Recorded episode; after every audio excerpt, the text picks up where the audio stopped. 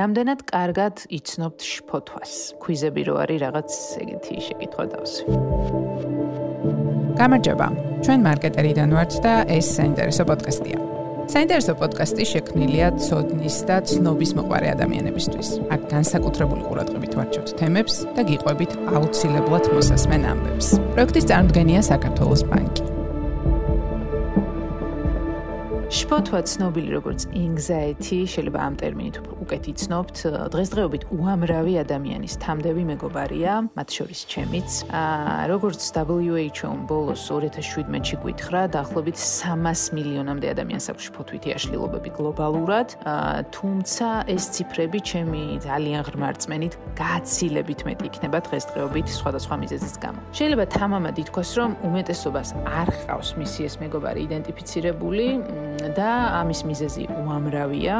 პირველ რიგში კი ეს ინფორმაციის ნაკლებობაა, რა თქმა უნდა, მენტალური ჯანმრთელობის მიმართ სრულიად არასერიოზული დამოკიდებულება ქვეყნის მასშტაბით, სტიგმა, სერვისების ხელმიუწვდომობა და ასე შემდეგ. ზოგადად შფოთვაზე რომ ვისაუბროთ, ის სრულიად ნორმალური მოვლენა, ნორმალური შეგრძნება, ზოგჯერ სასარგებლოც კი გარკვეული დოზით, რადგან სწორედ ის გვიცავს მოსალოდნელი, ოღონდ რაციონალური საფრთხისგან. ეს არის საქმეშნოვანი. როცა სტრესში ვართ ან რაიმე გვაშინებს, ამ დროს ვშფოთავთ.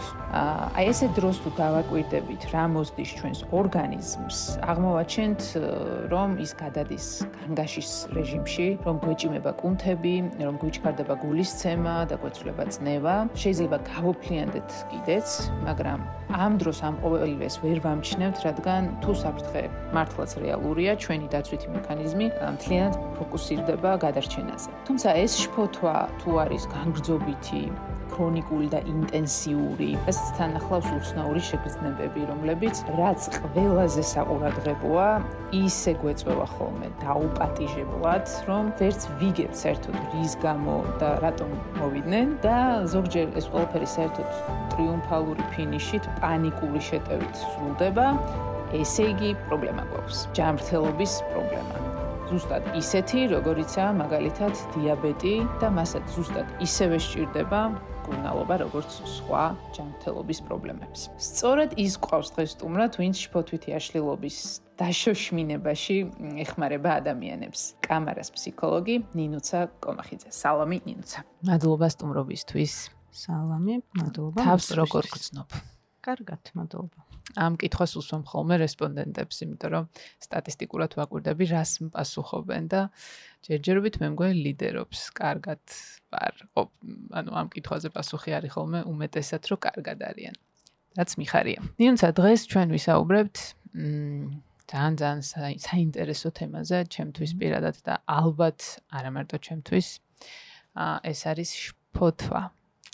აა ეს სიტყვა ალბათ ყოველას გვსმენია, მაგრამ არა იმ კონტექსტში, რა კონტექსტშიც ახლა მე და შენ ვისაუბრებთ, როგორც დიაგნოზი, შფოთვითი აშლილობა, ხო?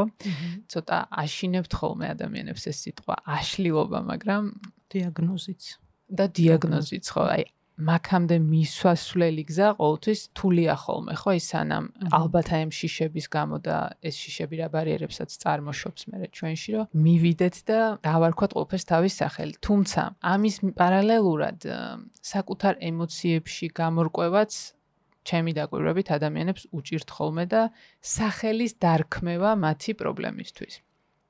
ამიტომ ძალიან საინტერესო იქნება შენი განმარტება როგორც სპეციალისტის რა არის შფოთვა?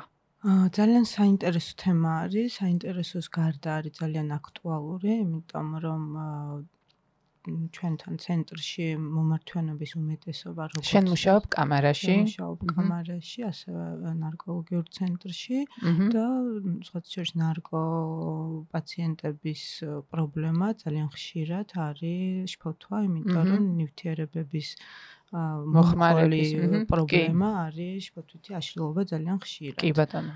თავის დეპრესიით. თუმცა მაგის გარეშეც რა თქმა უნდა, მიზეზები არ დაილევა. მაგის გარეშეც რა თქმა უნდა, მიზეზები არის ძალიან ბევრი და უმეტესობას მომართვიანობის ხშირად აწუხებს შფოთვითი აშლილობა. სანამ რაც ჩამოთვალე, სანამ მაქამდე მიხვალ, ხო ძალიან მნიშვნელოვანია რატო აშინებთ ეს სიტყვა. ზოგს აშინებს სხვათა შორის და ზოგ საერთოდ არც ფიქრობს ამ მიმართულებით ძალიან ხშირად ყოლია ადამიანი მოსულა პრობლემებით, რომელსაც ნუ აშკარად გამოხატული შფოთვითი ჩივილები აქვს, მაგრამ თვითონ მის ტვინში არ არის ეს რეგისტრირებული როგორც შფოთვა, ანუ სახელი არ აქვს. სახელი იდენტიფიცირება ვერ ხდება, ხო? და ეძებს მიზეზებს რაღაცა სხვა მიმართულებებში და რახან ვახსენე ნივთიერებები, აქვე დაუძენ რომ პირიქით ხშირად არის ხოლმე რომ შფოთვა განაპირობებს იმას, რომ მე მოიხმარო ნივთიერებები, იმიტომ რომ აი ამ შფოთვით ხსნის ეს რაღაც მომენტში, მაგრამ რა თქმა უნდა, მე აორმაგებს სხვა პრობლემებს. კი ბატონო. ასე რომ განმარტება და ერთ-ერთი მიზეზი ამის არის ზუსტად ის, რომ ეს ფოთვა შეიძლება ესე გხვდებოდეს ყურში, მაგრამ არიც არ გქონდეს გააზრებული და არ იყო დაფიქრებული კონკრეტულად რას ნიშნავს. და ძალიან ხშირად ჩვენ მე ესე ვიწყებ ხოლმე საუბარს, რომ აი რა არის განსხვავება თქვენი აზრით შიშ და შფოთვა შორის. და ერთმანეთთან ძალიან დალინკულია, ხო? შიში და შფოთვა. შენ თქვითხავ მაშინ. და შენი აზრით რა არის განსხვავება? კი, ხო, აა, იცი რა, მიჭირს მაგ კითხვაზე პასუხის გაცემა, ვიცი რომ შიშებთან პირდაპირ კავშირში არის. აა, ერთმანეთისგან ვერ გავმიჯნავ, თუმცა ყველაფერი ამ შიშებზე არის თუ არა დაფუძნებული ყველა ის სიმპტომატიკა რაც შფოთვას ახასიათებს ამაზე პასუხი არ არ მაქვს ესე კი ძალიან ახლო კავშირში არიან და გამთავარი განსხვავება არის ის რომ შიში არის კონკრეტული როდესაც შენ იცი რის გეშინია ძაღლი კატა მიწისძვრა და ასე შემდეგ ანუ შენ შიშს აქვს სახელი. რაციონალური შიში და აქეთ ირაციონალური შიში ბატონო და შფოთვა არის როდესაც რაღაცის გეშინია როგორც წესი მომავალში და არიცი რისი და აქ ყველაზე მთავარი ზუსტად არის ის რომ არ იცი რისი გეშინია ეგ არის შფოთვა. ანუ შეიძლება იჯდეს სახლში და მოულოდნელად გეწვიოს შფოთვა. გამოვიდეს და შენ ვერაფერს ამას ვერ უკავშირებ. კი ბატონო თუმცა შეიძლება უკავშირებდე კიდეც რომ მაგალითად ხო არის კონკრეტული შიშები რო აქვს ადამიანებს სოციალურ სოციალური თუ დაფიქრდები მე აუცილებლად იპოვი მიზეს. აა იმიტომ რომ შეიძლება ეს მიზეზი ესე ზედაპირულად არ ჩანდეს მაგრამ იმის უკან აუცილებლად რაღაცა დგას რაღაც. ოღონდ ეს ძალიან ქვეცნობიერში უნდა ჩახვიდე ამოქეკო. არ იყოს ძალიან სიღრმეებში. ნუ მინიმუმ დაფიქრდე ამაზე. აი აი ზუსტად მაქვართ რომ ერთ-ერთი ტექნიკა, როდესაც ჩვენ შფოთვასთან მუშაობთ, არის ზუსტად ეს რომ რასაც ძალიან ხშირად შვება ადამიანი, ვისაც ეს აწუხებს, რომ გაურბის ამ აზრებს. ერთ-ერთი ტექნიკა არის რომ პირიქით კი არ გაექცე ამ აზრებს. თვალი გაუსწორა და დაფიქრდე რა უნდა. იუნგს აქვს ძალიან საინტერესო რაღაც ნათქვამი დეპრესიაზე, ოღონდ მე სულ ვამბობ, რომ ეს შფოთვაზეც მიდის. ხო, რომ წარმოიდგინეო, რომ არისო ეს აა იმ შემთხვევაში დეპრესია, ამ შემთხვევაში შფოთვა შავებში ჩაცმული მოხუცი ქალი ვუალით, რომელიც ყოველ საღამოს მოდის და კარებს გიკაკურნებს. კარებზე გიკაკურნებსა და იმის მაგიოთ რომ გააგდო, პირიქით უნდა შემოიყვანო, დასვა ყავა დაუსხო და კითხო რატომ მოვიდა, იმიტომ რომ რეალურად არც ერთი აშლილობა, ასე ვთქვათ, ეს ნევროტული აშლილობები, დეპრესიაში, ფოთვაკვებითი აშლილობა თუ ასე შემდეგ, შემთხვევით არ მოსულა და არ წვევია. ეს ზუსტად ვიცით უკვე, ხო? შეგვიძლია ვთქვათ, რომ კი ბატონო, ეს არის ჩვენი ალარმ სისტემა, როგორ არის განგაშის სისტემა, რომელიც რაღაცას გვატყობინებს და თუ ეს არის რაღაც აშ ძალიან გადავიდა ზღვარს, ეს შეიძლება ეს რაღაცა სისტემა გაგვიფუჭდა და სუჩართული არის ეს განგაშის ზარი, შფოთვა ეგ არის. და აი ეს უნდა გავარკვიოთ, რომ რატო მოხდა ესე ჩვენ ცნობიერებაში, ფსიქიკაში, რომ შფოთვა ესე ინტენსიურად ჩამოვიდა ჩვენს ცხოვრებაში. კი. ეხა მოდი სიმპტომებზე ვილაპარაკოთ, იმიტომ რომ რა არის შფოთვა, ასე თუ ისე ამის დეფინიცია არსებობს, ეხა შენ რაც ახსენის. ხო, დავამატებდი, რომ ეს შფოთვა ყოველთვის ერთ-ერთი განსაზღვრელი არის, რომ შენ სულ ეს შფოთვა არის სულ მომავლის შიში. აჰა. ანუ სულ რა იქნება მომავალში? შფოთვითი ადამიანი ყოველთვის არის გაჭედილი მომავალში. როდესაც ის სულ ეძებს რაღაცა ტოტალური უნდობლობის აქტია. ესე ამბობენ ხოლმე, როდესაც ეს აქტი არის გარემოსთან მიმართებაში, მაგრამ რეალურად შენ არენდობი შენ თავს, იმიტომ რომ შენ არ თვლი კუთარ თავს საკმარისად ძლიერად იმისთვის რომ რაღაცა მე გაუმკლავდა იმ რაღაცებს. ეს უკვე ღრმაშრები ასე ვთქვათ მაგრამ მომავლის შიშია თავიდან ბოლომდე რასაც მოყვება მე ეს overthinkings რასაც ვეძახით ხო მე მოყვეს ზედმეტი სიფრთხილე თავშეკავება ასევე არის მიმართ რაში შეიძლება გამოვლინდეს ეს ფოტო არის მაგალითად როდესაც ადამიანს ემართება შიში რომ რაღაცა ხო არ ჭირს. აი ამაში შეიძლება მე გამოვიდეს და დაიწყოს ეს იპოქონდრიული გამოვლინებები. ან ჯანმრთელობასთან დაკავშირებული ხო ეგეთ ძალიან გავრცელებული. ჩვენ ფსიქიკას აქვს სურვილი, რომ მან იცოდეს კონკრეტიკა და შენ თუ აზრიანად ამ შფოთვებს არ აძლევს სწორ მისამართს, ჩვენი ფსიქიკა თავისით არასწორად ამის სამართებს გაუაზრებლად, ასე ვთქვათ და შეიძლება გადაწყვიტოს, რომ გულის პრობლემა გაქვს. რა ძალიან ხშირია შფოთვითი ადამიანების საყვარელი ორგანოა გული. გული ხო თქვათ იმიტომ რომ კარგად გვესმის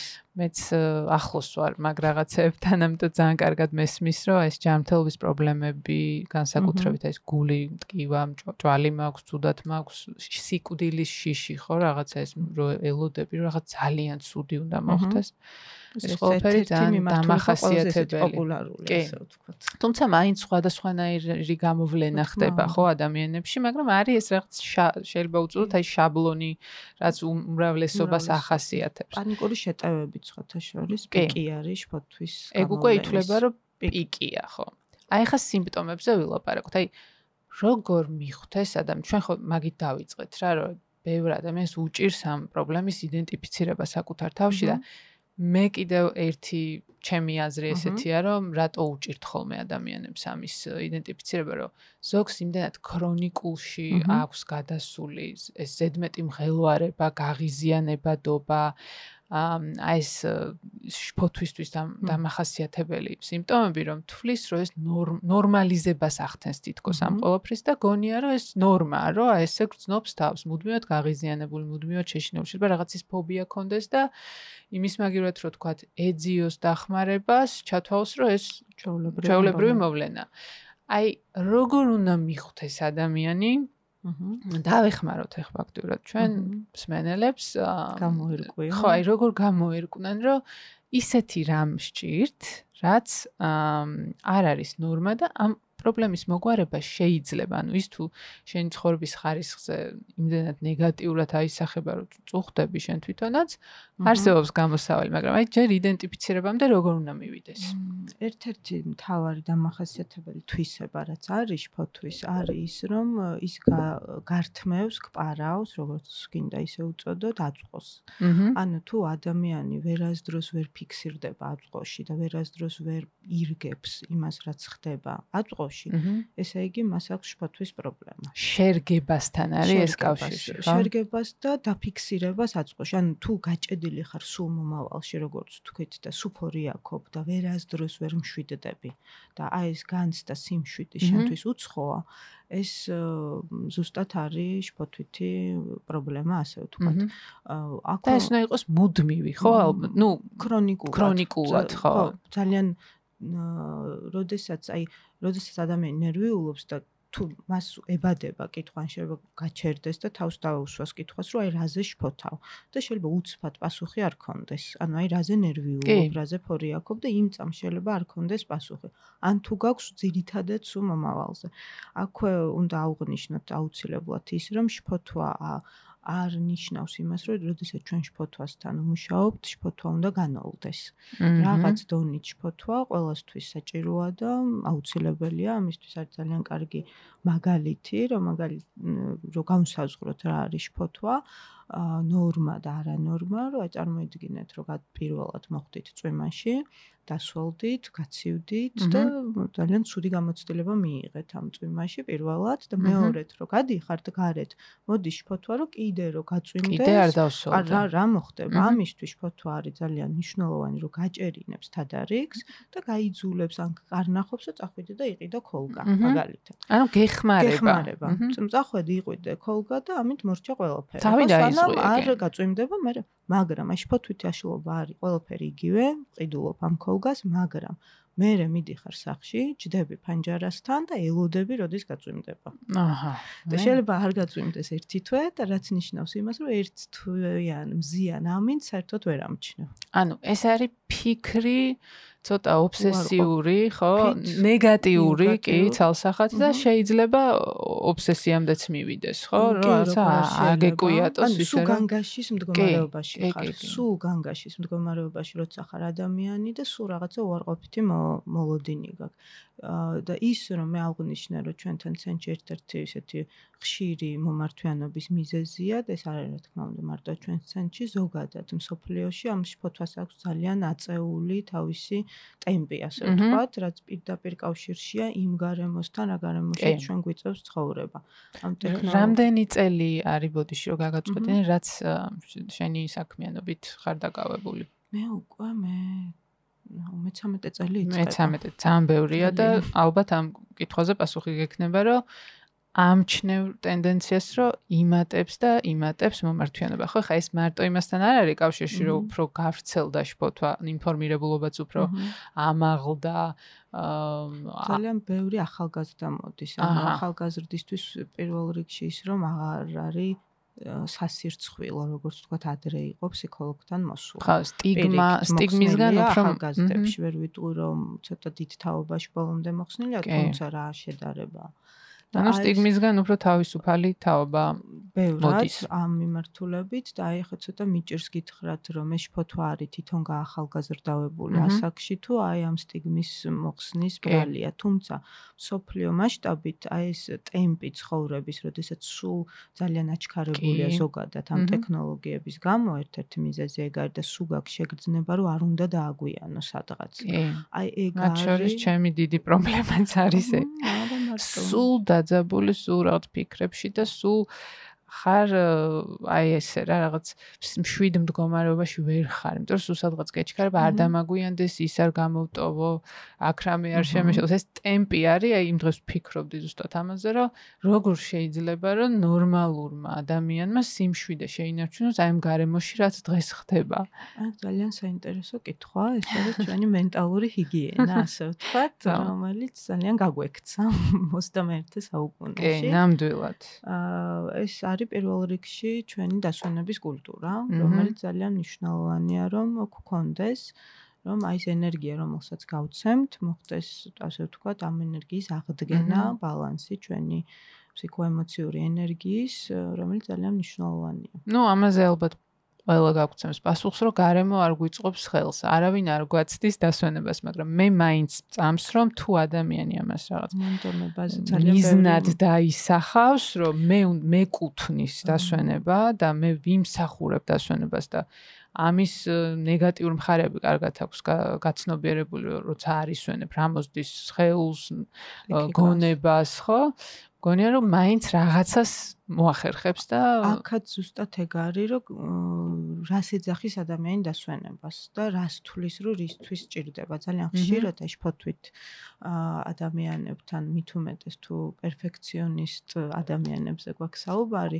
ძალიან ხშირად პასუხი არის და მივდივართ იქამდე თუ ეგეთი ზედაპირული პასუხი არის რომ დასვენება არის დროის კარგვა რომ ის არ იმსახურებს ჯერ დასვენებას, დრო არ აქვს და ასე შემდეგ. სინამდვილეში ეს ზუსტად ისეთივე რუტინა უნდა იყოს ჩვენი ყოველდღიური ცხოვრების, როგორც თქვათ, მუშაობა. იმიტომ რომ პირდაპირ პროპორციულია ჩვენი პროდუქტიულობის, რამდენად ვართ დასვენებული და შფოთვაც ასევე არის ის, რომ აერსებობს პატარა ტესტები, როდესაც საზღვრავ შფოთვას რამდენი ენერგია მეაქ შენი. კი. სასიცოცხლო ენერგიის, რაც ნიშნავს იმას, რომ ყველაფერი სხვა დანარჩენისთვის რჩება ძალიან ცოტა. კი. და როდესაც შფოთვისგან თავისუფლდები, მე უკვე დასვენების დროც ბევრად უფრო მარტივად შეიძლება მოინახოს და სხვა ტექნიკების, რომელიც დაგეხმარებათ ადამიანს, რომ აი ეს ცოტა დაარეგულირო ეს ენერგიები, ასე ვთქვათ. ხო, ეს დღევანდელი მდგომარეობა, თქვა ტექნოლოგიური განვითარების თვალსაზრისითაც ბევრი სტატიაც წამიკითხავს, დოკუმენტურიც მინახავს ამაზე, რა გავლენა აქვს ამ ყოველფერს ჩვენს ფსიქიკაზე, იგივე სოციალურ მედიას, იგივე აი ამ ზღვა ინფორმაციას, ესაც ძალიან მარტივად ვიღებთ ყოველდღიურად ინტერნეტით, ხო და პრინციპში ყველაფერი იმაზე მიუთითებს, რომ ეს შფოთვას კიდევ უფრო აძლიერებს, ლოგიკურიც არის, იმიტომ რომ იმდენ ინფოს ვაწუდით გონებას, რომ ალბათ ისიც ცოდოა. კი, და ზუსტად ეგ არის, ერთ-ერთი მიზეზი შეიძლება იყოს, როცა ვსაუბრობდით, რა შეიძლება იყოს მიზეზი შფოთვის. ზუსტად ეს, რომ ჩვენ ფსიქიკას ჭირდებოდეს დასვენება. აჰა. და სიმპტომებში ასევე აუცილებლად უნდა აღვნიშნოთ რახანაირად საქმიან ადამიანებზე ვსაუბრობთ, თქვა თქვა ვინცაც პირიქით ძალიან ბევრი დრო აქვს, არა აქვს უბრალოდ ბევრი დრო დასვენებისთვის. ხო, თუმცა არიან ადამიანები, რომელსაც პირიქით ძალიან ბევრი თავისუფალი დრო აქვთ და მათაც აქვთ ეს შფოთვა ოღონდ ცოტა სხვა მიზეზებით. ნესტიკური ფუნქციები არსებობს ესეთი ჩვენი ტვინის, როდესაც შედის მეხსიერება, ყურადღების კონცენტრაცია ფუნქცია და ასე შემდეგ.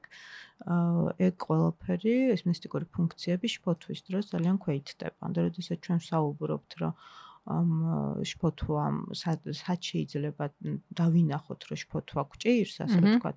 აი თუ ჩვენ ვამჩნევთ რომ ყურადღების კონცენტრაცია გვაქვს დაქვეითებული მეხსიერებაში გამოიჩნდა რაღაც პრობლემები ძილი აგვერია დილით ვიღვიძებთ უკვე დაღლილები კი. და ცუდ ხასიათზე უკვე ღირს რომ კონსულტაცია გავიაროთ.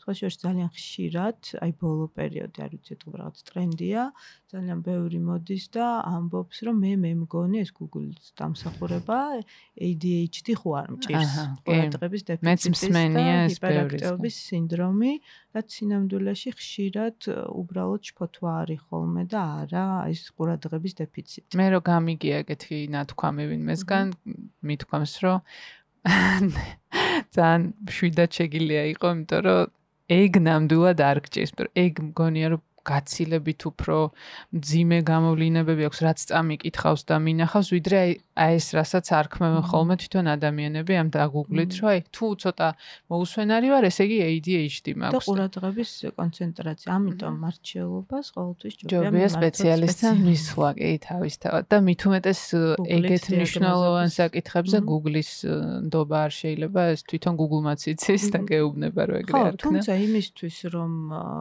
მიხვიდე იქამ მანამდე რომ ხო არ მივიდე სპეციალისტთან ამისთვის თუ Google-ს დაიხმარ რატომაც არა. ეს არ ანუ Google-ი კარგი რამეა ხა Google Google-ი გადასარევი რამეა უბრალოდ მისი გამოყენება სწორად უნდა იცოდე და ეს ეს კიდე ცალკე თემა არის და მნიშვნელოვანი თემა არის რომ ყველას კონდეს ინფორმაცია სანდო წყარო როგორ როგორ მოხდეს სანდოობის იდენტიფიცირება როცა წყაროებზე ვსაუბრობთ როგორ გამოარჩიო იქიდან ინფორმაცია რა პირდაპირ მიიღო რა ირიბად და მოკლედ მთელი გაიდლაინია მან სხვათა შორის ერთ-ერთი მომენტია რომ ადრე მაგალითად იყო რომ პირიქით უნდა გებრძოლა რომ ინფორმაცია მოგეპოვებინა. ეხლა პირიქით უნდა იბრძოლო რომ გაფილტრო გაფილტრო სწორი ინფორმაცია ეს ძალიან დიდი ცვლილებაა ჩვენი ფსიქიკისთვის საკმაოდ მოკლე დროში და ფშფოთვის ერთ-ერთი წამყვანი ხაზი ასევე არის სიახლეებთან შეგუების შიში. ან ფშფოთვამ რაღაც იცვლება ხო.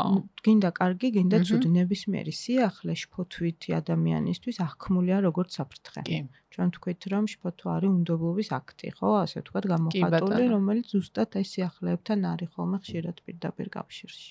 შფოთვის გამოვლინება შეგვიძლია ესე დავყოთ, რომ შეიძლება ეს იყოს ფიქრები, ემოციები და ქცევებიც კი?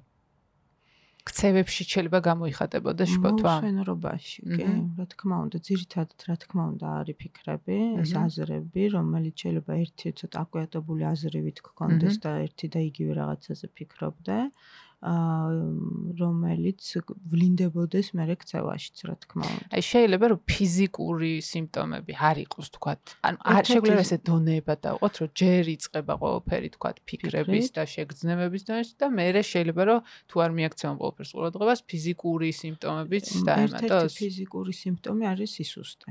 ანუ როდესაც შეგრძნება გაქვს, რომ ენერგია აღარ გაქვს. აი ქრონიკული დაღლილობა, ხო? ბატონო, იმიტომ რომ როგორც აღვნიშნეთ, ენერგიის უმეტესობა, რაც აქვს და ყველა ადამიანს აქვს თავისი 100% სასიცოცხლო ენერგია, რომელიც მერე ნაწილდება ყველაფერზე. შენი ამ 100%-ის ენერგია სიტყვაზე 80% თუ მიდის აი ამ ფიქრებში, რომ აი მე ხა ის, აი მე ხა ის, ხო? ან გული ხო არ მткиვა, ან წავიდე ხა ამ ექიმთან, ხა მეოცევ ექიმთან უნდა მივიდა. ყველაფერი სხვა დანარჩენისთვის, ანუ რჩება 20%. აი ძალიან პრაგმატულად რომ მივუდგეთ და ამ 20%-ში ყველაფერს ვეღარ ატევ უბრალოდ ფიზიკურად. აი იპოქონდრია რადგან ვახსენეთ.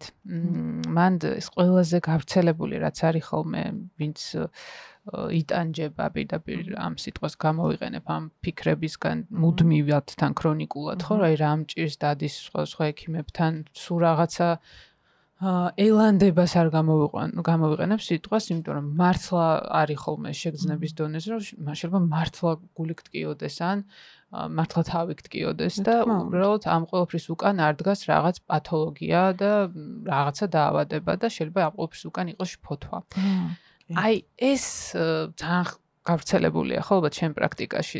ყველაზე ხშირად ეს გამოვლინება მინახავს მე რომ იპოქონდრიული ერთ-ერთი ყველაზე ხშირი ეგ არის თუმცა აქვე უნდა აღვნიშნოთ რომ შესაძაც ადამიანი მოდის და ეს პირიქით ძალიან იშვიათია ხოლმე მოდიან პირიქით ძალიან ბევრი ექიმების მერე მაგრამ თუ მოხდა ისე რომ პირველად ჩვენთან მოვიდა ადამიანი და ამჩივილებს გეუბნება რომ გული და ჭვალავს ტკივა და ასე შემდეგ ან ნებისმიერი სხვა ორგანო აუცილებლად რა თქმა უნდა ჯერ უნდა წავიდეს ექიმთან და გამორიცხოს მაგრამ აქ არის საუბარი იმაზე რომ როდესაც უკვე მე-20 ექიმთან ხარ მისული თქვათ გულის ხო და ამბობ რომ აიცი იმ პირველმა ვერ რაღაცა ვერ გაიგო სწორად და ასე არის შემთხვევები რომ გულთან მიხვედი აგულზე არაფერი წავედი მაშინ ღვიძლზე აღვიძლი არაფერი მაშინ ფილტვი და ასე შემდეგ აქ არის ხოლმე ეს ბოროტი ხუმრობა არსებობს, რომ სამწუხაროდ ჯამრთელი ხართ. იმიტომ რომ შფოთვის ზუსტად იდეა ეგ არის, რომ შენ თუ იპოვი, რომ მართლა გულზე რაღაც გჭირს, ბევრად უფრო მშვიდდები, იმიტომ რომ ზუსტად იცი, რაზე უნდა იმკურნაო. და შფოთვა არის აი ეს, ანუ სახელს გაურკვევლობა. გაურკვევლობა, ჩვენი ფსიქიკისთვის ნომერ პირველი ზოგადად სტრესი არის გაურკვევლობა. კი.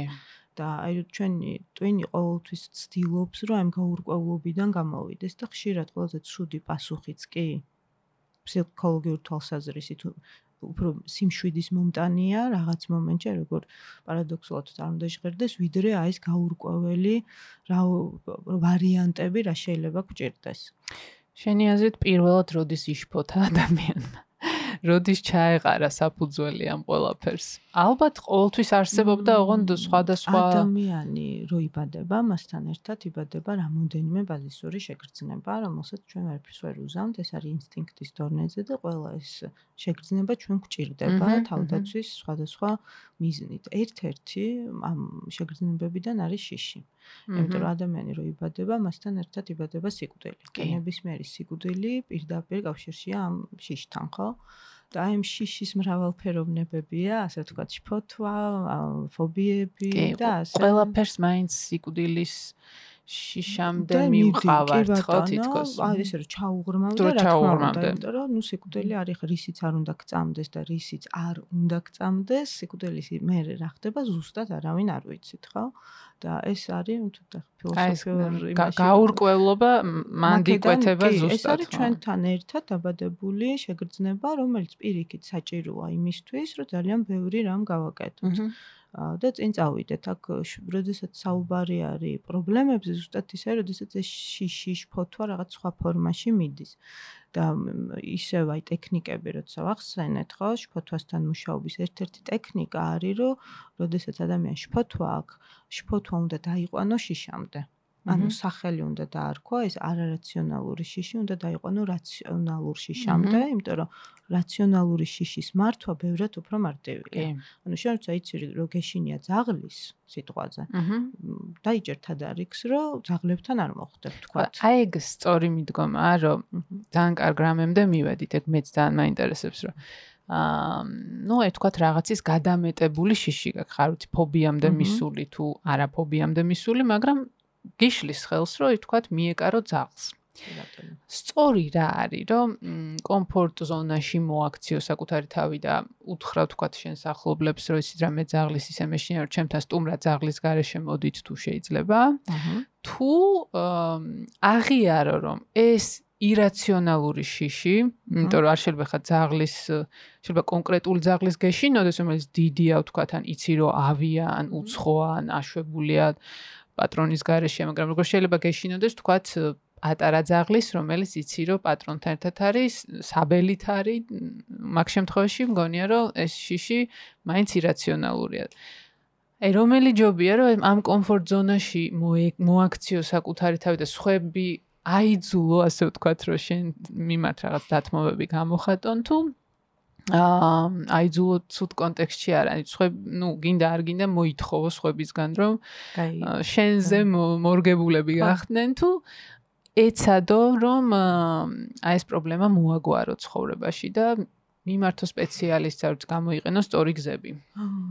იცით, აქ ძალიან საინტერესო ბევრი მომენტია გასათვალისწინებელი. პირველ რიგში ეს საიდან არის? ახლა თუ გაქვს გამოცდილება ცუდი, რომ გიკბინა ბავშვობაში და ასე შემდეგ ან შენ თვალ წინ მოხდა ეს რაღაცა ეგ სხვა მომენტია შეიძლება იყოს ჩადებული შიშებს ვეძახით ხოლმე როდესაც მაგალითად შენ კი არ ქონია მაგრამ აი დედა ყავდა მაგალითად ან мама რომელსაც ძალიან ეშინია ძაღლის და სულ ბავშვობაში რომ არ მოეფერო გიკბენს კი ბატონო როდესაც აი გიდებენ ამ შიშს ჩადებული ჩადებული შიშები კი ბატონო და არის კიდევ ესეთ შემთხვევები როდესაც ჩვენი ფსიქიკა რაღაც კონკრეტ კონკრეტულ შიშს იყენებს თავდაცვის მექანიზმად და სინამდვილეში ამ სიტყვაზე ძაღლის შიშის უკან შეიძლება იდგეს ძალიან უფრო ძლიერი რაღაც შიში. ასე რომ იდეა არის შემდგომში მდგომარეობს რომ თუ ეს შიში შენ გიშლის ცხოვრებაში აა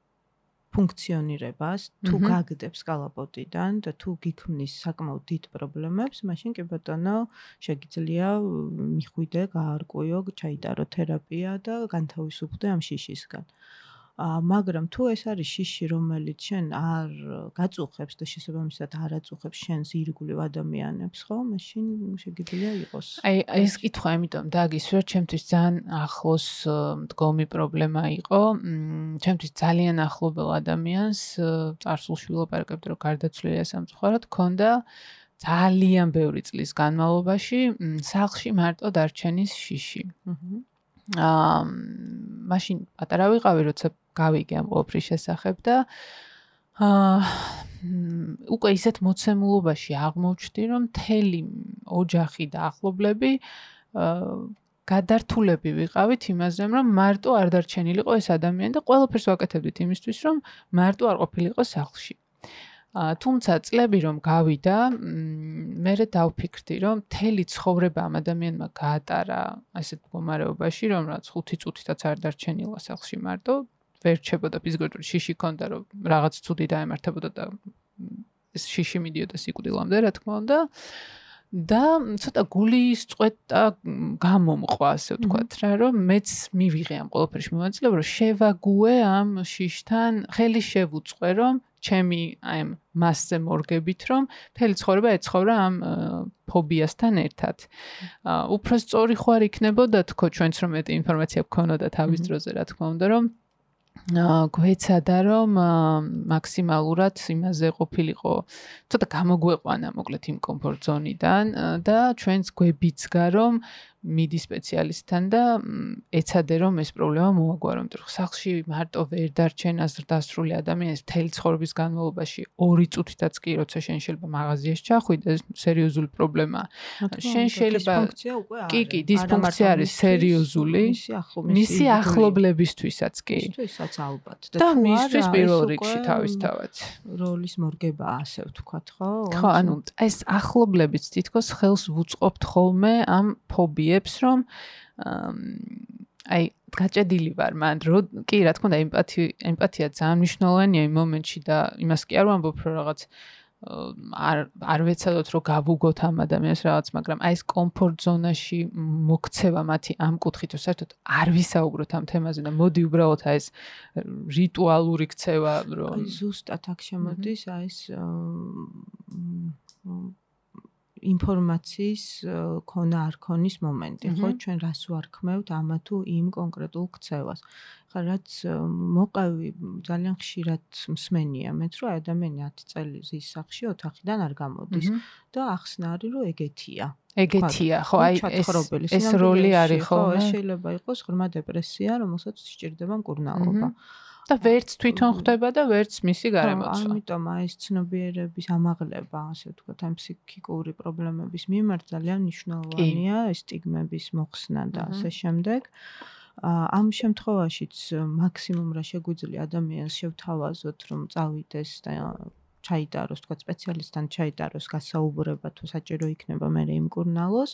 ოღონდ აქაც არის რაღაცები, რასაც მხოლოდ ეგ ადამიანს შეუძლია გააკეთოს. ან მაქსიმუმი ამ შემთხვევაში რაც შეგვიძლია არის რომ უბრალოდ უბიძგოთ ან დავანახოთ ან ვუთხრათ რომ ჩვენ ესე ვფიქრობთ.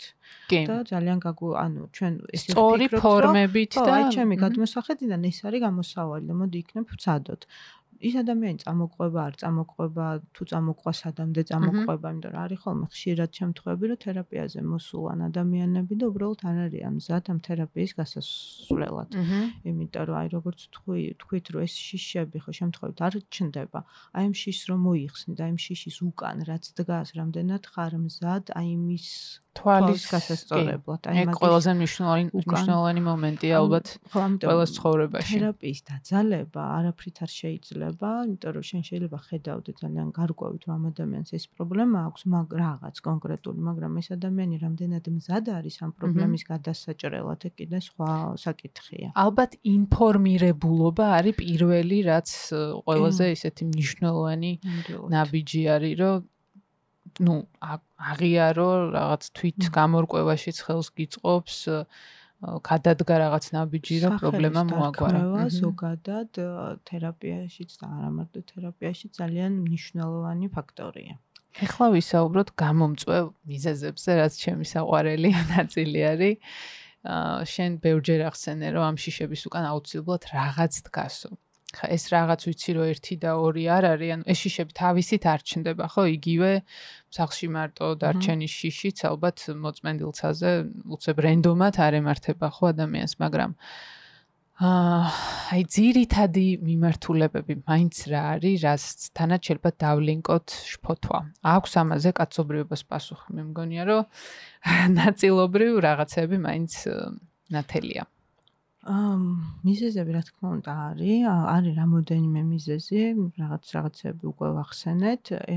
არ გვიხსენებია მაგალითად თვითშეფასება, რომელიც ძალიან ხშირად ილინკება ხოლმე შფოთვასთან. ძალიან ხშირად, როდესაც შფოთვაზე მუშაობ, თვითშეფასებაზეც გიწევს, ასე ვთქვათ, მუშაობა. ეს ზუსტად ის მომენტია, როდესაც ჩვენ არ გრძნობ საკუთარ თავს საკმარისად ძლიერად, რომ რაღაც რაღაც გამოწვევებს გაუმკლავდე ცხოვრებაში.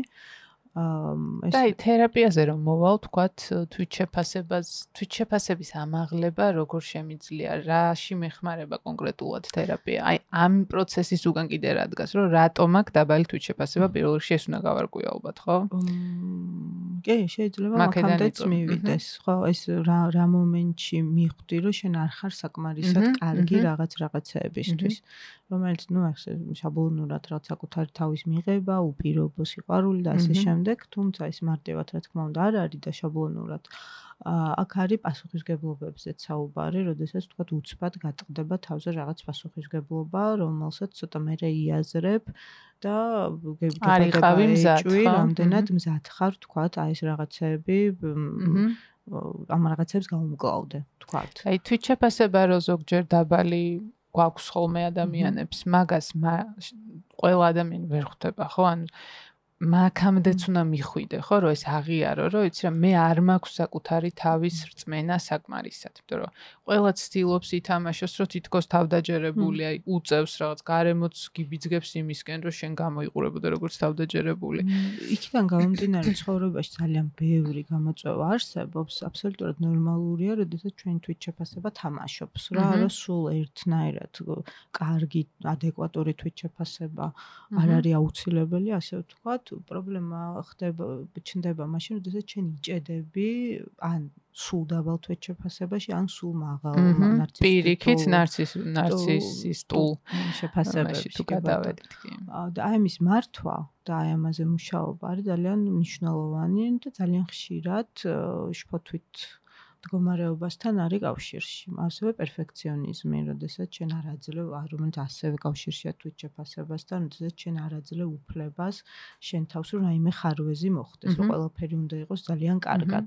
ზედმეც მოითხოვს საკუთარი თავისგან და სხვებისგანაც და ნებისმიერი ხარვეზი იწვევს შენში აი ამ შფოთვით რეაქციას. ბარემ მე მგონი კარგად ებმის ამ თემას და OCD-ზე სხვარვის აქვე აუცილებლად უნდა აღნიშნო შფოთვასთან ნივთიერებების მოხმარება ნებისმიერი ეს არ აუცილებლად რომ შენ აუცილებლად რაღაცა დამოკიდებულების სინდრომი გქონდეს ჩამოყალიბებული ამა თუ იმ ნივთიერებაზე და თქვა შეიძლება აზარტულ თამაშებზე მაგ ნივთიერება არ არის მაგრამ მსგავსი აქტივობები ძალიან ხშირად იწვევს ატრიგერებს, ხო? ატრიგერებს გამწვავებას იმ მდგომარეობების, რის გამოც თავდაპირველად დაიწყე მოხმარება. ა ამაზე ხშირად მომისმენია სხვადასხვა ადამიანებისგან, რომ აი ჩემზე არ მოქმედებს თუდად თქვათ იგივე მარიხუანას მოწევა. ამის პირდაპირ კავშირშია ძალიან ხშირად შფოთვები. კი, კი, მეც ბევრ კვლევას ვეცნობი ხოლმე ამ თემაზე, ძალიან აქტუალური იყო რაღაც პერიოდი და სულ მithქმა მოთქმა იყო რომ აი კარგია ცუდია რაღაც. დღემდე ეგრეა ხო ჯერ მაინც ვერ შევთანხმდით მის კარგ და ცუდ თვისებებზე მაგრამ აა ბევრი კვლევა აჩვენებს იმას რომ შფოთვასთან ძალიან დალინკულია აქ უბრალოდ უფრო იმდენად ნათელია ყველაფერი რომ უბრალოდ როდესაც რა რამდენად გინდა ან არ გინდა ამის აღიარება. უფრო მაგ მივდივართ ამ შემთხვევაში იმიტომ რომ თუმცა შეგვიძლია ვთქვათ რომ აი ყველაზე ერთნაირად არ ახთენს მართლა ხო ანუ გაჩნია ფსიქიკას ცალსახად ერთნაირად არ არ ახთენს ზეგავლენას მაგრამ ჩვენ არ შეგვიძლია ვიწინასწარმეტყველოთ ვიზე როგორი მოქმედებს. და აქ პრობლემა არის როდესაც უკვე მოქმედებს უარყოფითად აი ამას ან ბლოკავ და არ გინდა ამის აღიარება, იმიტომ რომ არ ხარ მზად რომ შეეშვო თქვა რაღაცას და უარი თქვა. იმიტომ რომ ის კარგად ხდის. რა თქმა უნდა, ან იმ მომენტში ვერ ცაცნობიერებ, რომ ეს ამასთან კავშირია. ეს ზუსტად ეგ უნდა მეკითხა. მაინც არაცნობიერი პროცესებია, ხო? იმიტომ რომ აი მეც მქონია ესე გარემოცვაში, მეც შევხები ვარ ამ პრობლემას ახლობლებთანაც, არა ახლობლებთანაც და აი რაღაცნაირი სიჯუტე თითქოს იკვეთება ხოლმე. არაფრით რო არ აღიარებს რომ ცუდად ვარ. ანუ ეს ძალიან ცალსახარ და თვალსაჩინო არის ხოლმე. ცუდად ვარ და ამის გამო მოვიხმარ ნივთიერებას რომელიც მე მარტივად და პირდაპირ მხდის უკეთესად. აი აქ რა მექანიზმი ირთვება ხოლმე ამ წინააღმდეგობის? და თუ შეიძლება ამასთან რამე გზით გამკლავება. მივდივართ, რამდენად სახელები არის დარქმეული რაღაც რაღაცეებზე, იმიტომ რომ მაგალითად შეიძლება გქონდეს შფოთვა, რომელსაც ვერაცნობიერებდე, სახელს ვერ არქმევდე, რაც თქვით, აი ეს რაღაცა შენი ენერგიის უმეტესობა მიდის შფოთვაზე, მოიხმარ რაღაც ნივთიერებას, მარიხუანას თქვათ ამ შემთხვევაში და ეს შფოთვა ჩადის ქვემოთ. და ამ დროს მე მშვიდდები, შეგრძნება გაქვს იმ შვიდის და უკვე ბევრად მეტი რაღაცების დრო გრჩება ფიქრის, აზროვნების და ასე შემდეგ. და თუ ის ფოთვას სახელი არ აქვს დარქმეული, გამოდის, რომ მარიხუანამ მოგიტანა ეს ყველაფერი. და სინამდვილეში, რა თქმა უნდა, მოგიტანა მარიხუანამ, იმიტომ რომ ფოთვა დააგდო და პირველადი პრობლემა ფოთვა იყო, მოხსნა, მაგრამ მე რაქნა, აი ეგ არის ძალიან საინტერესო, იმიტომ რომ როგორც წესი, როდესაც გამოდიხარ მდგომარეობიდან, ეს ფოთვა ისევ მოდის, შეიძლება უფრო მეტიც იყოს და სისტემატიური ფიზიკური მოხმარების მერე შფოთვა აუცილებლად კიდე უფრო იზრდება და უკვე მივდივართ სერიოზულ შფოთვით აშლილობებამდე. ამ შემთხვევაში სულ მახსენდება ფროიდის გამოცდილება კოკაინთან, როდესაც თავიდან რო გამოიგონეს როგორც მედიკამენტი, პირველად როგორი ციგნიც არის ამ სტატიების გამოშვებული, როგორი კმაყოფილი და აღფრთოვანებული იყო ფროიდი, რომ რა კარგ გიწამალი გამოიგონა კაცობრიობამ, რომ აღარ არსებობს ის დეპრესია და ასე შემდეგ და მეორე ნაწილი უკვე მისი სტატიების, რომ ეს როგორ რა დაგვემართა და როგორ შეგვეშალა. იმიტომ რომ ნებისმიერ ასე ვთქვათ, ნივთიერებას აქვს როგორც ჩვეულებრივ წამლებს გვერდითი ეფექტი, ხო? და ეს გვერდითი ეფექტი თუ უარესია იმ დადებით დადებით რაღაცეებზე, რა თქმა უნდა, ეს არ მუშაობს კარგად. თუმცა ხო, ანუ შფოთვა არის ცალსახად მეტწილად ფსიქოთერაპიის საქმე, როდესაც წამალი ხშირად არის ხოლმე საჭირო შფოთვის დროს მედიკამენტები, მაგრამ ეს არის 20-30%. აი, მაგამდე მივდიოდი, ახლა ზუსტად და ამას წარი მისვლა. აა, თქვათ, გავიგეთ და ვაღიარეთ, რომ გვაწუხებს შფოთვა. მე სტიგმა სიმართლე რო გითხრა, ძალიან არ მესმის. აი ვიცი რომ სტიგმა არსებობს, ახლა თავს ხო ვერ დავიბრმავებ, მაგრამ იმდენად არ მეხება, ანუ იმდენად ვერ წარმომიდგენე რომ შეიძლება ვინმე შერცხვეს ამ პრობლემაზე საუბრის, ან რაიმე სასირცხვილო იყოს ამ ყოფაში, ძალიან მიჭირს ხოლმე საკუთარი თავის დაკავშირება ამ სტიგმასთან, მგონია რომ არ არსებობს. აი ზოგჯერ მავიწყდება რომ არსებობს, იმდენად ღიად შემიძლია მე ამ თემებზე საუბარი, იმდენად გასაგები არის ჩემთვის, რომ თან მაკვირვებს რომ ეს სტიგმა ჯერ კიდევ არსებობს. კარგია თუ ახალ გაზრდათაობაში უკვე ნაკლებად აწყდებით ამ პრობლემას, მაგრამ ნუ არსებობს ვერსად ვერ გავექცევით. აა მოკლედ იდენტიფიცირება თუ შევძელით ამ პრობლემის, მე ვფიქრობ უკვე მოგვარების გზებზე. ვიცით რომ არსებობს ფსიქოთერაპია, ვიცით რომ არსებობს ფსიქოთერაპიაშიც რა სხვადასხვა მეთოდები და ვიცით რომ არსებობს მედიკამენტური მკურნალობა. და არსებობს კომბინაცია ამორის, ხო? კომბინაცია, რომ ფსიქოთერაპიაზეც დადიხარ და თან რაღაც მედიკამენტებსაც იღებ. რა შემთხვევაში არის საჭირო მედიკამენტები? რა შემთხვევაში არის საჭირო ალბათ კომბინაცია, ამასაც ექნება ალბათ თავისი ახსნა და რა შემთხვევაში არის პრობლემა მოგვარებადი მხოლოდ ფსიქოთერაპიით? აა სამ რაღაცას მესამესაც დავამატებდი, მედიკამენტები, ფსიქოთერაპია და ქცევითი თერაპია, ასე ვთქვათ, ანუ დღის რეჟიმს და აქტივობებს აქვს ძალიან დიდი მნიშვნელობა. აა და გააზრებას შფოთვის შემთხვევაში, შფოთვის შემთხვევაში ძალიან დიდი მნიშვნელობა აქვს ფსიქოთერაპიას. მედიკამენტები უნდა განსაზღვროს თვითონ სპეციალისტმა ინდივიდუალური გასაუბრების დროს, რამდენად საჭიროა მედიკამენტი ამ კონკრეტულ შემთხვევაში და რამდენად არა. და თუ საჭიროა შფოთვით შემთხვევაში ეს არის ტკივილგამაყუჩებელი უფრო რა წარმოიდგინეთ ჭრილობა რომელიც ტკივად და ამ ჭრილობას რომ მკურნალოთ მხოლოდ ტკივილგამაყუჩებელი და თვითონ ჭრილობა არ დაამუშავოთ. დროებითი გამოსავალი მარტივად. ხო ფსიქოთერაპია არის თვითონ ამ ჭრილობის დამუშავება და კერის პოვნა ხო რაღაც ანუ იმიტომ რაზეც ვისაუბრეთ ამდენი ხანი ახლა დღეს ამას ყოფილი წამალულით ვერ უშველი ხო? აქედან გამომდინარე, ეს ფსიქოთერაპია ძალიან მნიშვნელოვანია და ძალიან მნიშვნელოვანია ასევე დღის რეჟიმი, რომ იყოს გადანაწილებული სწორად ჩვენი ენერგია. და ეს დასვენების კულტურა, რომელიც ვახსენე, ჩვენთან სამწუხაროდ ძალიან ცუდად არის და დასვენებას რომ მოისმინოთ რა შეიძლება უწოდოს ადამიანმა დასვენებას, ხო? აი ცალკე თემა არის კიდე ვისთან რა არის აღქმული დასვენება. აა დანაშაულის გრძნობასთან ასოცირდება, ხო? ეს ერთი არიან ადამიანები, რომლებიც საერთოდ არის სვენებენ, მაგალითად, საერთოდ. იმეც მახსენდება ერთი ორი. არიან ადამიანები, რომლებიც თვლიან, რომ დასვენება არის მხოლოდ სასმელის მიღება და აი განტვირთვა, ხო? და ეს რაღაც ჰობი ხობის არსებობა, ინტერესების არსებობა, ანუ სინამდვილეში ჩვენ რა გვინდა იმისთვის, რომ განვიტვირთოთ, აი ამას ახშოთ არც უსმენთ საკუთარ თავს. და აქედან გამომდინარე მუშაობა მოკლედ აი ამ მიმართულებით მიდის, როდესაც შფოთვაზე ვმუშაობთ. მედიკამენტები ყოველთვის საჭირო არ არის, ხო? აი უფრო ეს იყო ჩემი კითხვა. ყოველთვის აი გამომრჩა, ყოველთვის საჭირო რა თქმა უნდა არ არის, თუმცა თუ საჭირო არის, აუცილებლად ამ მედიკამენტებს ნიშნავს ფსიქიატრი, და სხვა სპეციალისტი. კი, აი რაღაც ხშირად წინა ერთი პოდკასტი გქონდა დეპრესიაზე და იქაც ვისაუბრეთ ამ თემაზე და აქაც ვიტყვი და გამიხარდება თუ შენ ხას გაუსვამ რომ ძალიან ხშირია რომ აი ნევროლოგთან მიდიან თქვათ ამ პრობლემებით ნევროლოგი ბევრად უფრო შვიდობიანად ხვდება ყურზე კი კი კი ზუსტად ამიტომ მიდიან ფსიქიატრი ჯერ მაინც ცოტა სტიგმის გამო კი. შიშებს აღძრავს. აღძრავს რაც სინამდვილეში რა თქმა უნდა ეგრე არ არის ჩვენთან ჩვენ შემთხვევაში აუცილებლად ჩვენ ანუ არის ახლა მაგალითად საზღვარგარეთ ფსიქოთერაპია თერაპევტი ნიშნავს იმას, რომ შენ გააქვს უფლება, რომ დანიშნო მედიკამენტები, იმიტომ რომ გაგავლი სამედიცინო კურსი, ასე ვთქვათ, ჩვენთან ეს არ არის.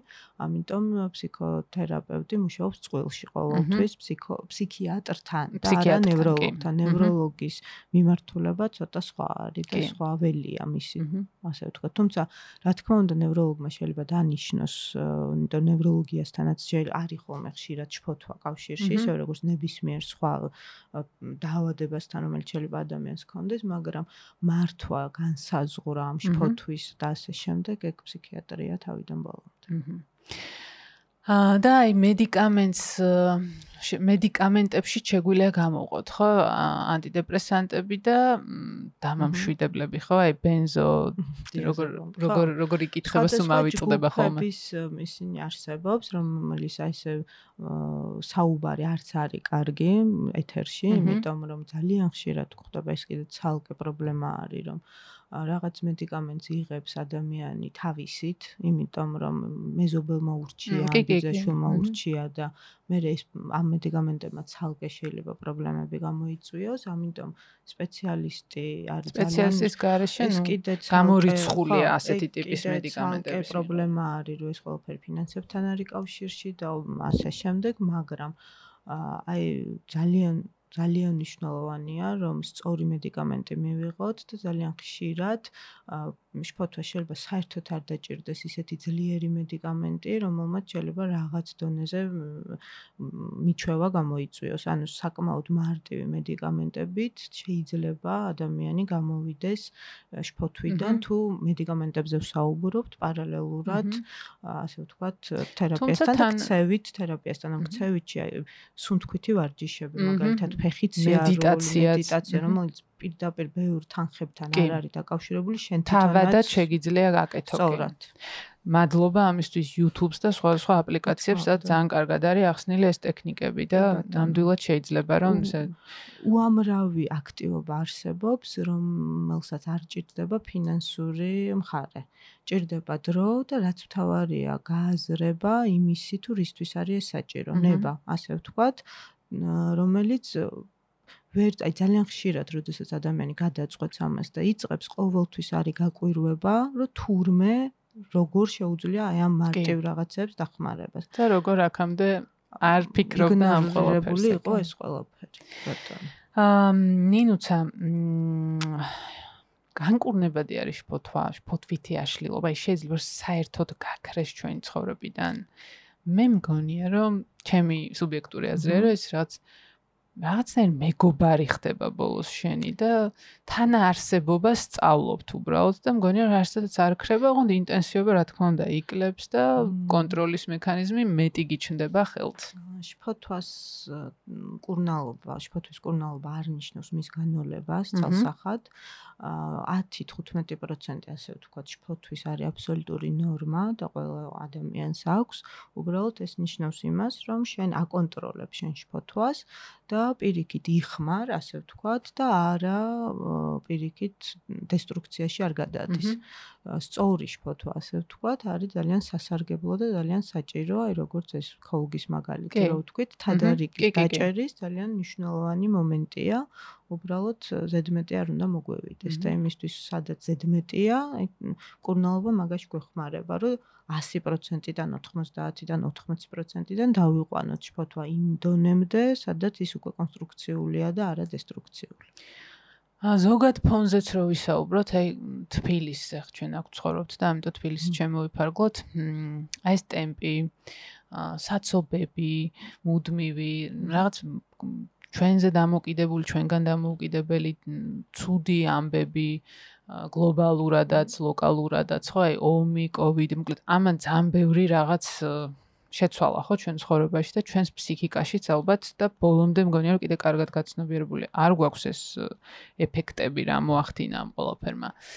მე პირადად ქუჩაში რომ დავდივარ ან საჭესთან რო ვარ, რაღაცნაირი გენერალიზებული დაძაბულობა და შფოთვა იგრძნობა თითქოს. აი აგრესიულები არიან ადამიანები, გაღიზიანებულები არიან. მეც ღიზიანდები ხოლმე სიმართლე რა გითხრა საცობში, როცა ვდგარ, მაგრამ დავიწყე ნელ-ნელა შთაგონება ჩემი თავში, რომ ამაზე ნერვები არ აიშალ, მაგრამ ეს უკვე შენ ცხოვრების ნაწილი გახდა. სხვანაირად ამ პრობლემას შენ ვერ მოაგვარებ, ხო? ნუ შეგიძლია რომ მანქანა შეცვალო რაღაცა, არ ვიცი, ველოსიპედით, ბაიკით. ამას თუ არ შვები, რაღაცა პლუსი უპოვო, მაგალითად ჩართო კარგი პოდკასტი, პოდკასტი კი ბატონო. კი, კი, კი. ამიტომ შეიძლება რომ აი რაღაცა შეცვალო შენს ქცევაში, მაგრამ ეს დაძაბული ფონი იგრძნობა შენთანაც თუ ჩემი სუბიექტური? არა, ძალიან ბევრი კვლევა არსებობს სხვათა შორის, ზოგადად როგორი წახალისებულია სოფლიოში აგრესია, როგორ იცვლება ძალიან ბევრი მიმართულებას ჩვენ ადამიანების ხედვა, იცვლება რაღაც ღირებულებები და ასე შემდეგ. ჩვენ კონკრეტულ ქალაქს ქვეყანასაც შეეხება ეს ჩვენი სუბიექტური განცდა არის და მეც მაგ ეგ განცდა ნამდვილად რომ ატმოსფერო ზოგადად ძალიან ძიმეა ქვეყანაში. ამასაც ისტორიული კონტექსტითაც ხო შეიძლება რომ აუხსნათ რა მდგომარეობაც მავით ფსიქოემოციური რომელიც პირდაპირ კავშირშია აა უბრალოდ ეს სად არის სუბიექტური, სად არის ობიექტური, ეგ ცოტა ესეთი, იმიტომ რომ კვლევები არ არსებობს ჩვენთან სამწუხაროდ, მსგავსი, არავინ არაფერს არ იკვლევს, მაგრამ აი ესეც არ ვიცი რამდენ სუბიექტურია თუ ობიექტური, როდესაც მიდიხარ თქვა საზღვარგარეთ, იქ ბევრად უფრო სხვა ატმოსფეროს გრძნობ. კი.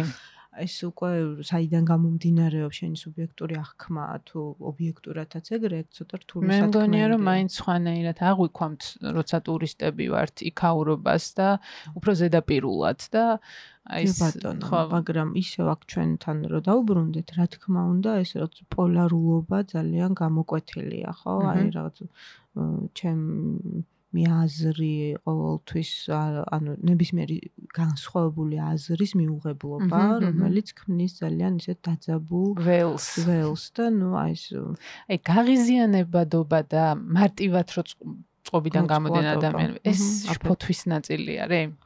შეგვიძლია ასე ვთქვათ? აი ხო არიან ადამიანები, რომ მარტივად ღიზიანდებიან, ყველა ფერზე ღიზიანდებიან. რაღაც ისეთ რაცები აღიზიანებს, რაც შეიძლება რომ ჩვენი ფსიქიკის ფსიქოემოციური მხარის გაუწონასწორებლობის ამბავი, ხო? და ეს გაუწონასწორობა, ასე ვთქვათ, საიდან არის წამოსული? ეგ ცალკე თემა, შფოთვა, რა თქმა უნდა, ერთ-ერთი წამყვანი იქნება დაწილებული, რომ გამოვიგულიოთ, ხო? აა ის რომ აი ეს და ზოგადად აგრესიული ქცევა დღეს-დღეისობით არის ახალისებული. და ხშირ შემთხვევაში რაღაც ისეთი ქცევები, რომელიც მოთმენაზე, გაგებაზე არის ორიენტირებული, ეგ არის უარყოფილი და ხშირად უარყოფით კონტექსტშიც კი გამიგია მსგავსი აქტივობები, ასე ვთქვათ, და ქცევები ადამიანის. ნინუცა ისო მენტალურ ჰიგიენამდე მივდივართ, ასე ვთქვათ. ძალიან ძალიან სიამოვნებს ამ თემაზე საუბარი, მაგრამ ძალიან შორს რომ არ წავიდეთ, იმიტომ რომ საკმაოდ ბევრი დრო გავიდა. მინდა რომ ესეთი რაღაც პრაქტიკული და სასარგებლო რჩევებით დავასრულოთ ჩვენი პოდკასტი, რომელიც მაინც მიმართულია მისკენ, რომ ადამიანებს დავეხმაროთ პირველ რიგში ამ იდენტიფიცირებაში, რომ დაარქვან სახელი შფოთვას, თუ შფოთავენ, რა თქმა უნდა, და ესეთი რაღაც ცოტა სახალისო ფორმით ვქნათ ეგ, რომ მე გეტყვი, რომ და შენ დაასრულე წინადადება, რომ წადი თერაპევტთან თუ რა გჭირს. ან რას გრძნობ? კი ბატონო. აი ვეუბნებით ახლა X X მსმენელს, რომ წადი თერაპევტთან თუ წადი თერაპევტთან თუ ქრონიკულად რაღაცაზე ღელავ და გიჭირს სიმშვიდის კუნძულის პოვნა. აი ძალიან კარგი. წადი თერაპევტთან თუ ძილი დარღვეული გაქვს და დილით უკვე დაღლილი და ცუთხასიაძე იყვიძე. აჰა. აა წადი მესამეც თქვა მესამე წადი თერაპევტთან თუ გძნობ რომ შოვა გჭირდება. აჰა თვითონ დიდი მადლობა. ძალიან ძალიან დიდი მადლობა. იმედია რომ მომავალში კიდევ შევხვდებით ერთმანეთს და კიდევ ვისაუბრებთ საინტერესო ამბებზე რაც ეხება ჩვენს მენტალურ ჯანმრთელობას და ჰიგიენას. თქვენ უსმენთ საინტერესო პოდკასტს. პროექტის წარმოდგენია საქართველოს ბანკი